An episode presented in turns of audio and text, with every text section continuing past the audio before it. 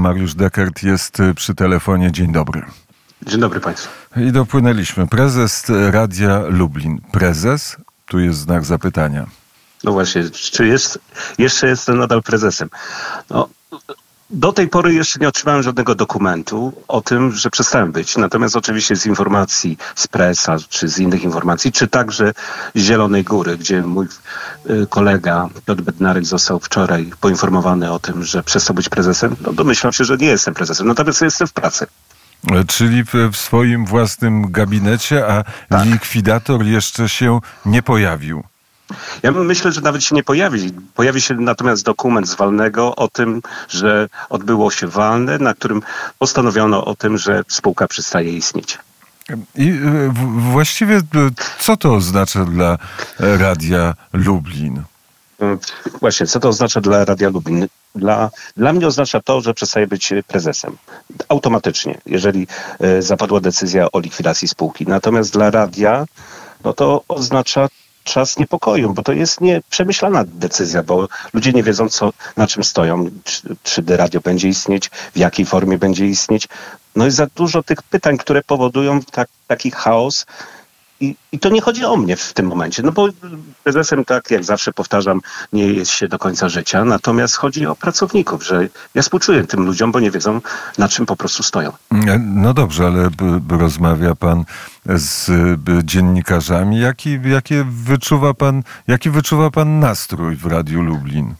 E, Niepokój, to jest, to jest przede wszystkim niepokój i, i trochę zawód, bo jednak ci ludzie bardzo dobrze pracowali i pracują, a teraz nie wiedzą, co będzie dalej. E, Pierwszym pytaniem, jakie pojawiło się 2 stycznia po tej informacji o tym, że e, na, na Twitterze, czyli na tym portalu teraz X, że e, spółki regionalne są w likwidacji, było pytanie, czy dostaną wypłaty. A trudno pracować w takiej sytuacji, kiedy człowiek nie wie, co będzie jutro, nie? No dobrze, ale to jest zawsze taki formalny e, kłopot, no bo jest informacja, ta informacja jest e, publiczna, spółki podlegają likwidacji od jakiegoś tam dnia, a teraz pan przychodzi do pracy, podpisuje pan normalnie dokumenty? Tak, no, bo mnie nikt nie zwolnił z, z tego obowiązku. Pytanie, czy gdybym przyjął, chociaż bądźmy poważni, no, y, Twitter nie jest karesem, ale gdybym uznał to, że to jest jednak prawdziwa informacja, domyślam się, że jest, i nie przychodziłbym do pracy i nie wykonywał swoich obowiązków, to co to? To wtedy, wtedy mógłby być kłopot. No przecież spółka musi, radio musi po prostu funkcjonować. A co się e, po, powiedział pan w Radiu Zachód, bo tam jest już likwidator, rozumiem. E, Tam jest protokół z walnego, notarialnie potwierdzony, że, pan pre, że spółka jest w stanie likwidacji. Jest fizycznie w, e, w rozgłośni. I jest wyznaczony pełnomocnik likwidatora. No dobrze, ale w telewizji publicznej teoretycznie jest taka sama sytuacja, a jednak e, jest, e, jest e, protest, jest e, prezes, e, który, który i, i neoprezes, czy jest dwóch prezesów telewizji publicznej. Tak samo będzie w Radiu Lublin, tak samo będzie w Radiu Zachód, w rozgłośniach regionalnych, czy nie? Myślę, że nie, natomiast my myślimy o innych jakichś krokach. Nat- Natomiast czy to miałoby w ogóle sens? E, No, roz, może inaczej. E, W telewizji była sytuacja trochę inna, bo tam przestano nadawać, w- ucięto sygnał. Natomiast rozgłośnie regionalne całkow- cały czas pracują, cały czas nadają. A w jakiej były ko- kondycji e, na koniec 2023 roku?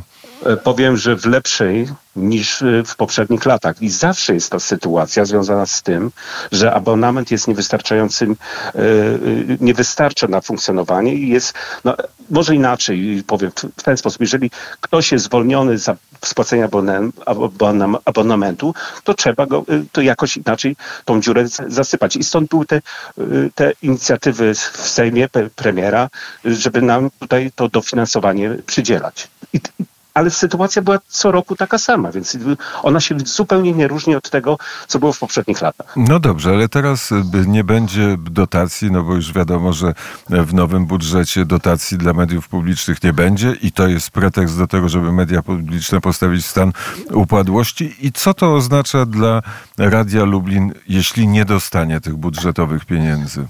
E, to oznacza dla wszystkich rozgłośni czy dla wszystkich mediów publicznych, że jeżeli nie dostaną tej dotacji, to, e, to sytuacja będzie katastrofalna. Natomiast e, no, no, ja przypominam też tą sytuację, że pan premier Tusk mówił o tym, że nie będzie tej dotacji, a potem w, w, ustawie około, około budżetowej wstawił tą dotację. Więc Ale teraz Więc to- wys- wystawił dotację, już nie może jej przywrócić, bo inaczej e, No upadłość... tak, ale, jest, ale spo, wspominane jest też y, to, że, że będą, będą pieniądze z, z rezerwy, więc nie oszukujmy się, chodzi o zmiany y, zarządów. I Ja, i, to, co powiedzieliśmy w naszym oświadczeniu, że nie odmawiamy większości parlamentarnej, parlamentarnej prawa do wprowadzenia zmian, ale niech to będzie w sposób cywilizowany. Niech to będzie zgodnie z Z literą prawa, czyli z prawem obowiązującym w Rzeczpospolitej. Póki co mamy Radę Mediów Narodowych, Krajową Radę. E, Natomiast e, to wszystko się odbywa naprawdę w sposób e, dość niecy- niecywilizowany. U sąsiadów, czyli w telewizji publicznej, tam już doszło do zmiany dyrektora? Tak, tak. Wczoraj doszło do zmiany dyrektora, została pani Grabowska i chyba od dzisiaj, z tego co czytam, nadają już normalnie sygnał. Bo, bo nie nadawali.